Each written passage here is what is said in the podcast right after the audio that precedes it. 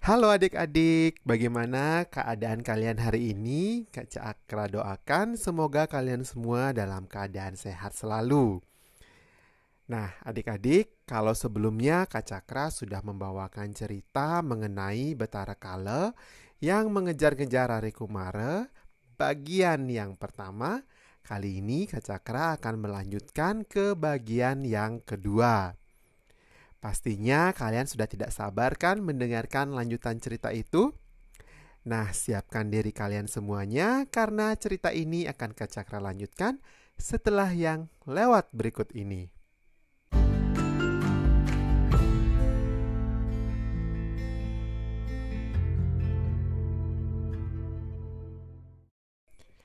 Setelah Batara Kala mengutuk pohon kelapa agar dia tidak pernah tumbuh dengan lurus, Betara Kala kemudian mendongak ke atas dan melihat sesosok bayangan di bawah sinar matahari. Tentu saja pada saat itu matahari sedang berada tepat di atas kepala atau yang dikenal dengan nama Tajag Surya di Bali. Sesuai dengan anugerah yang diterima sebelumnya, Betara Kala, Betara Kala boleh memakan siapa pun yang sedang beraktivitas pada saat Tajag Surya. Karenanya, Betara Kale pun kemudian melompat ke atas untuk mengambil bayangan itu dan memakannya. Ternyata bayangan tersebut adalah ayahanda dan ibundanya yang sedang melihat kelakuan anak-anaknya dari atas langit. Kedua dewa ini mengendarai seekor lembu putih yang bernama Lembu Nandini. Betara Kale kemudian berkata kepada ayah dan bundanya, Ayah, Bunda, kebetulan sekali kalian ada di sini. Aku sangat lelah mengejar Hari Kumara, dan aku merasa sangat lapar karena kalian beraktivitas pada saat matahari tepat berada di atas kepalaku. Maka kali ini aku akan memakan ayah dan bunda. Ini adalah anugerah yang kalian berikan kepadaku. Demikian kata Betara Kala siap-siap membuka mulutnya untuk memakan ayah dan bundanya. Kemudian Betari Uma berkata kepada Betara Kala, Anakku Betara Kala, tidak boleh kau memakan ayah beserta ibumu. Itu adalah perbuatan yang sangat jahat. Kau akan menjadi anak yang durhaka dan kau akan kualat kepada kami. Demikian kata sang ibu dengan kelembutan seorang ibu yang menenangkan hati. Namun sayangnya Betara Kala tidak bisa ditenangkan begitu saja. Ia tetap berkata bahwa itu adalah anugerah yang akan ditepatinya. Maka Betara Siwa kemudian berkata kepadanya, Anakku Betara Kale, ayah dan bundamu ini sudah rela kau makan, tapi dengan satu syarat. Tebaklah teka-teki yang akan ayahanda berikan kepadamu. Apabila kau berhasil menebak teka-teki ini, maka ayah dan bunda bersedia kau makan. Namun, apabila kau tidak berhasil menebaknya, maka kau tidak boleh memakan kami. Demikian kata Betara Guru kepada anak uh, anaknya yang ingin memakan dirinya. Kemudian Betara Guru pun membacakan sebuah sloka. Astapado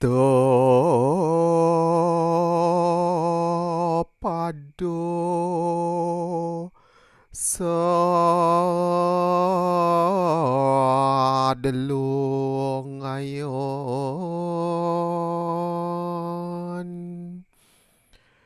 Jatuh puto anduin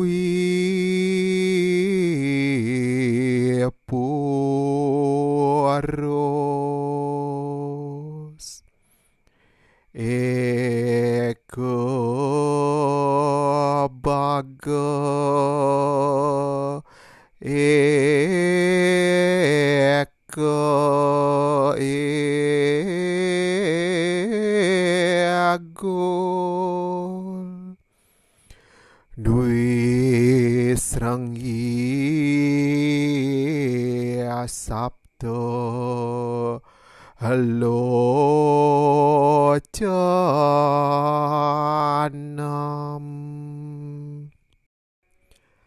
Ayahanda, ini adalah teka-teki yang sangat mudah.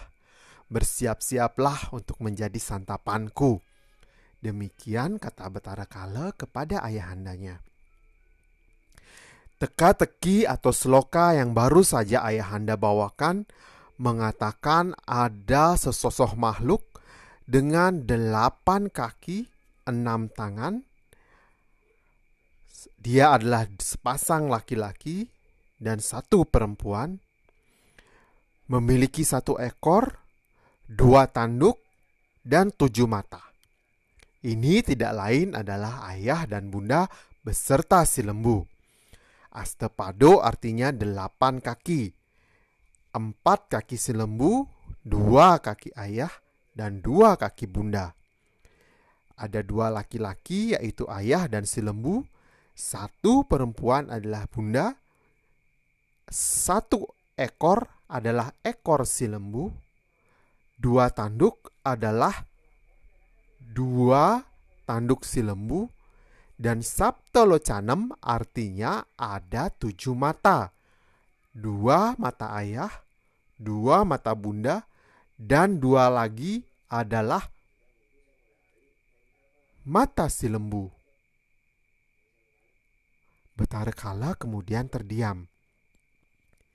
Seloka yang baru saja disampaikan menyatakan tujuh mata, sementara hanya ada enam mata yang bisa dihitungnya. Saat itulah kemudian matahari sudah mulai bergeser ke arah barat. Dewa Siwa kemudian berkata, Anakku Betara Kala, karena kamu sudah salah menjawab teka-tekiku pada saat matahari sudah bergeser menuju ke arah barat, maka kamu tidak akan bisa memakan ibumu dan aku ataupun si lembu karena sudah menyalahi anugerah yang kami berikan. Aku beritahukan kepadamu, tujuh mata adalah dua mata lembu, dua mata ibumu, dan tiga mataku. Mataku yang ketiga berada di antara alisku, tapi dihalangi oleh Cudamani yang ada di mahkotaku. Nah, karena kamu sudah kalah dalam permainan teka-teki ini, ayah dan bunda akan meninggalkanmu. Demikian kata Betara Siwa, lalu menghilanglah beliau dari tempat itu. Betara Kalai yang semakin lama semakin marah dan bertambah lapar, akhirnya kebingungan mencari Rare Ternyata selama ia dicegat oleh sang ayah, Rari Kumara sudah jauh melangkah menuju negeri uh, negeri dari Raja Mayasura. Betara Kala dengan kesaktiannya kemudian mengejar Betara Rari Kumara untuk menuju ke Medang Kemulan. Kita ceritakan sekarang Sang Prabu Mayasura yang sedang ada di uh, balai peseban atau tempat tempat uh, masyarakat untuk menghadap kepada raja. Di sana sudah ada banyak sekali menteri yang ingin melapor kepada raja. Pada saat itulah tiba-tiba dari arah langit turunlah sang Rare Kumara berlari tergesa-gesa menerobos pintu dan masuk ke paseban serta langsung menuju sang raja. Ia menangis terseduh-seduh memohon kepada sang raja untuk menyelamatkan dirinya. Yang mulia raja, hamba adalah Rare Kumara, putra Betara Siwa. Hamba diminta datang kepada yang mulia oleh ayahanda untuk meminta perlindungan agar kakak hamba Betara Kala tidak memakan hamba. Sekarang hamba dengan, dengan rendah hati memohon perlindungan kepada Yang Mulia Raja.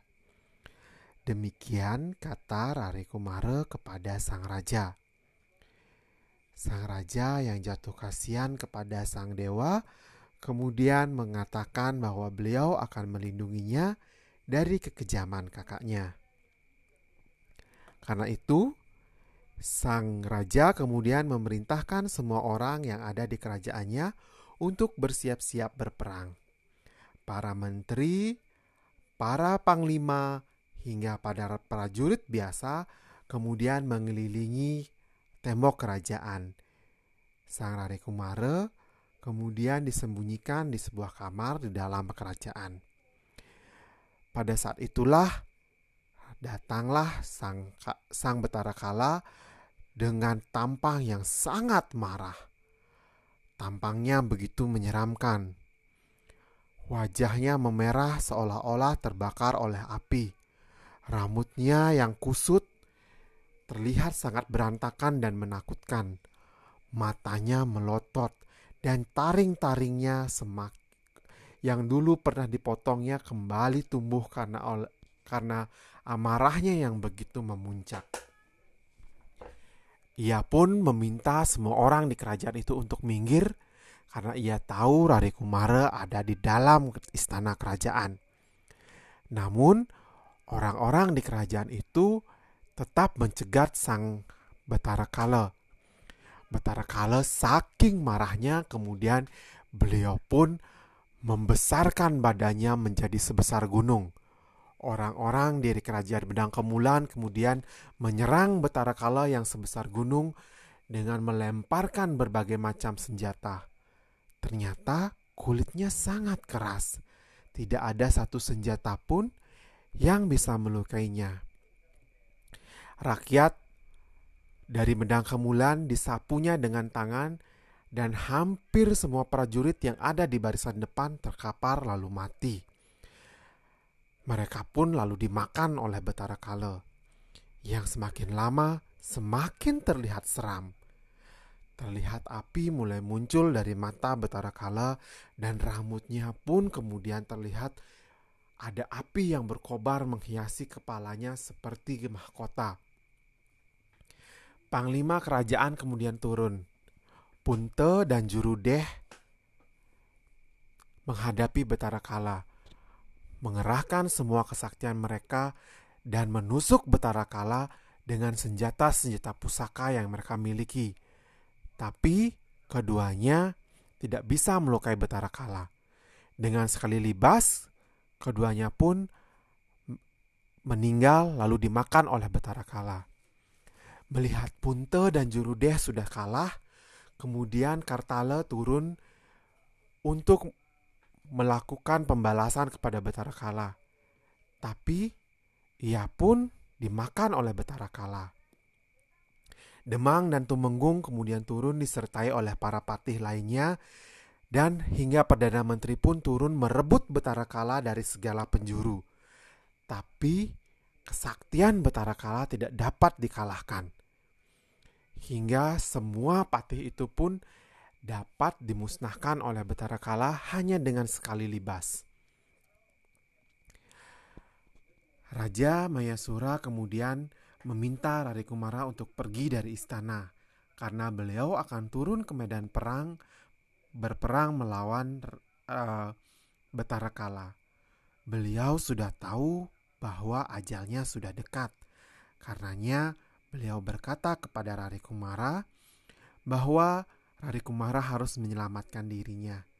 Beliau meminta maaf dengan sepenuh hati karena tidak bisa melindungi Rari Kumara. Rari Kumara dengan berurai air mata melihat kerajaan Medang Kemulan yang sudah hancur meninggalkan istana untuk menyelamatkan dirinya.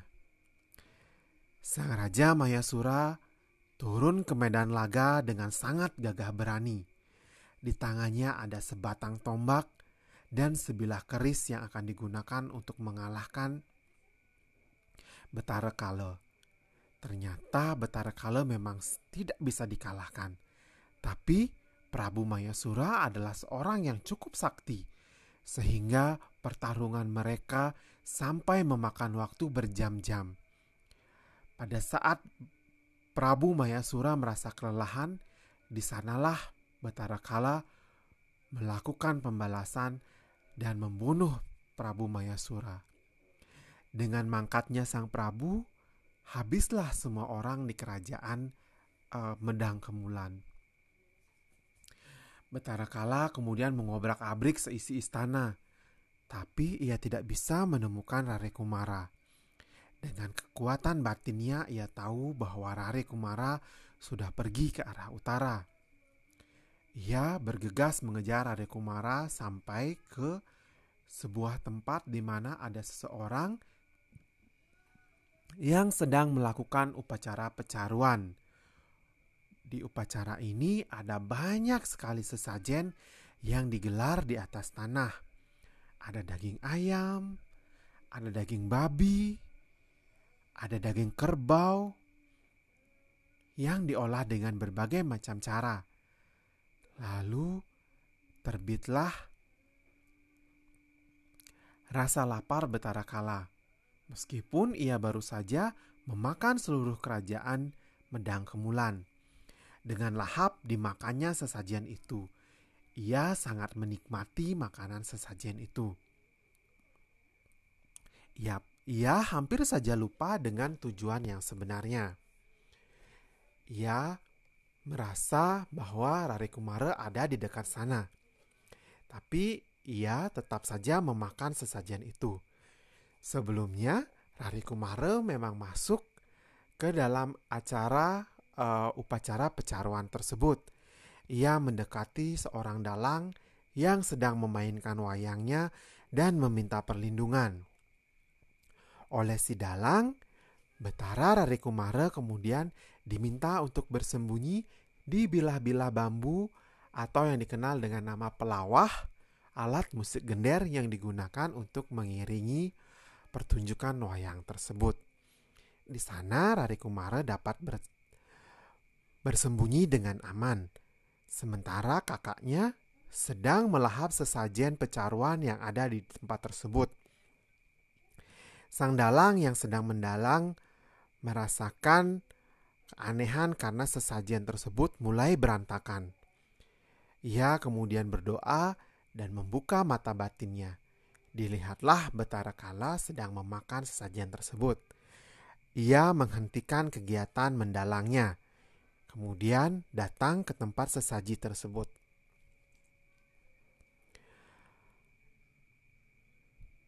Wahai Betara Kala, mengapa Anda memakan sesaji tersebut?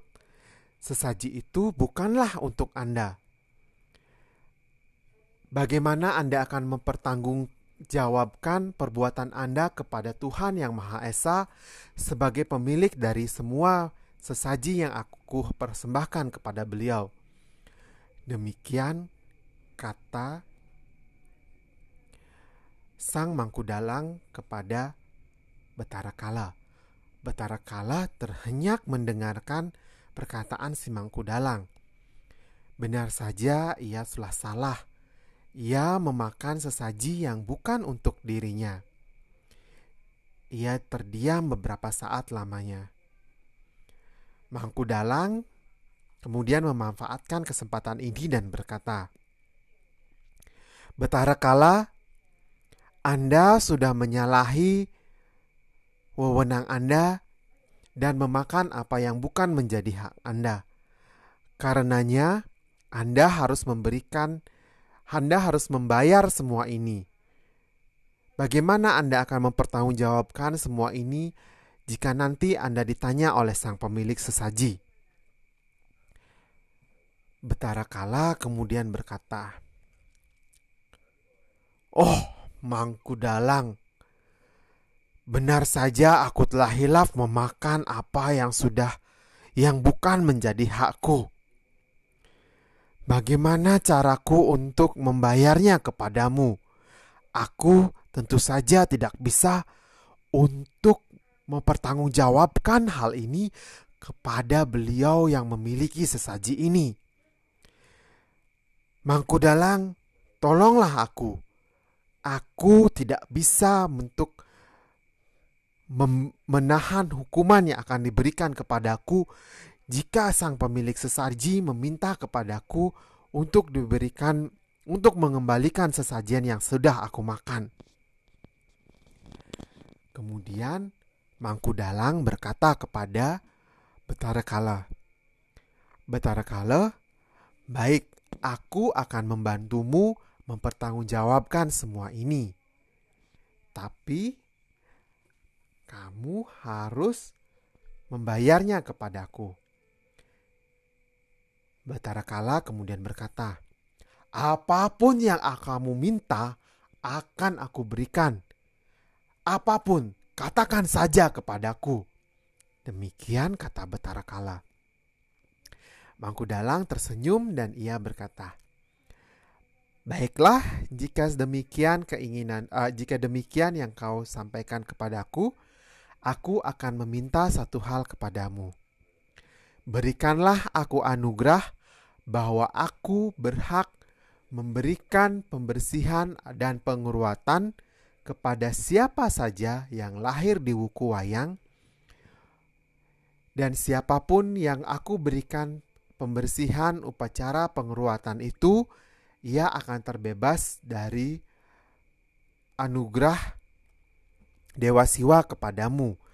Orang-orang yang sudah mendapatkan upacara pembersihan dari Mangku Dalang akan mem, akan dibebaskan dari men, uh, hukuman menjadi makananmu. Demikian kata Mangku Dalang.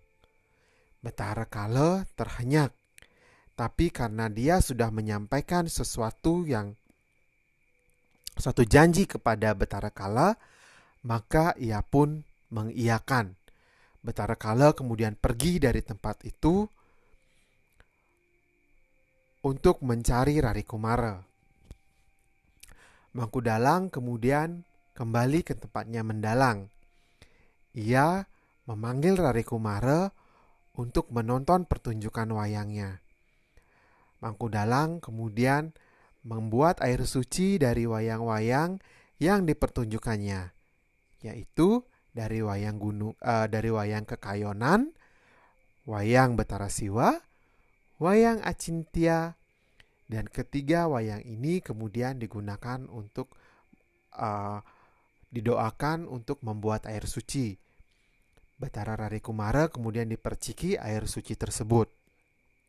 Itulah kegiatan wayang sapuh leger yang pertama kali, di mana Mangku Dalang memberikan ruatan kepada Betara, Betara Rari Kumara agar terhindar dari kutukan uh, dimakan oleh Betara Kala. Karena anugerah Betara Kala kepada Mangku Dalang ini, Betar, uh, Mangku Dalang kemudian melakukan upacara ruatan yang disebut dengan wayang sapuh leger kepada semua orang kepada semua orang yang lahir di Wuku Wayang sehingga orang-orang yang lahir pada buku ini tidak lagi menjadi makanan betara kala. Hingga saat ini di Bali, jika ada seorang anak yang lahir pada wuku wayang, maka orang tuanya akan membuat satu upacara yang disebut dengan upacara sapuh leger, mengundang seorang dalang untuk menceritakan kembali cerita Betara Kala mengejar Are Kumara ini dalam wayang-wayangnya. Kemudian di akhir pertunjukan, sang dalang akan memercikan air suci dari wayang kepada orang uh, kepada anak yang uh, diupacarai pada hari kelahirannya itu. Dipercaya bahwa anak-anak ini akan terbebas dari kutukan uh, menjadi makanan betara kala. Nah, adik-adik itu dia cerita Betara Rari Kumara yang dikejar-kejar oleh Betara Kala. Senang sekali ya rasanya mengetahui bahwa di akhir cerita Betara Rari Kumara tidak jadi dimakan oleh Betara Kala. Dan ada orang yang bisa menghentikan kutukan kepada orang-orang yang lahir di Wuku Wayang. Nah, adik-adik kalau adik-adik tadi mendengarkan cerita dengan seksama, mungkin adik-adik kaget karena tadi Betara Radikum Betara Kala uh, hendak memakan Betara Siwa atau Betara Guru ya. Kenapa Kak Cakra di satu uh, di satu kesempatan mengatakan itu Betara Siwa, kemudian di kesempatan lain mengatakan itu Betara Guru. Nah, adik-adik, menurut kepercayaan umat Hindu di Bali, Betara Siwa atau Dewa Siwa itu juga dikenal sebagai Betara Guru atau guru uh, Dewa Guru yang merupakan guru dari alam semesta. Beliaulah yang membimbing kita semu, uh, semua orang yang ada di yang beragama Hindu Bali untuk menjalani kehidupan yang baik di dunia ini. Adik-adik, sekian dulu cerita hari ini. Kak Cakra akan mengakhiri cerita ini. Semoga kalian senang mendengarnya. Nah, Kak Cakra masih juga tidak bosan-bosan mengingatkan kepada kalian bahwa sampai saat ini pandemi masih belum berakhir. Ingat, kalian harus sering-sering mencuci tangan dengan air mengalir dan sabun, atau membersihkan tangan kalian dengan hand sanitizer. Selalu menggunakan masker dan jauhi kerumunan. Semoga kalian sehat selalu. Sampai jumpa di cerita-cerita selanjutnya. Dadah.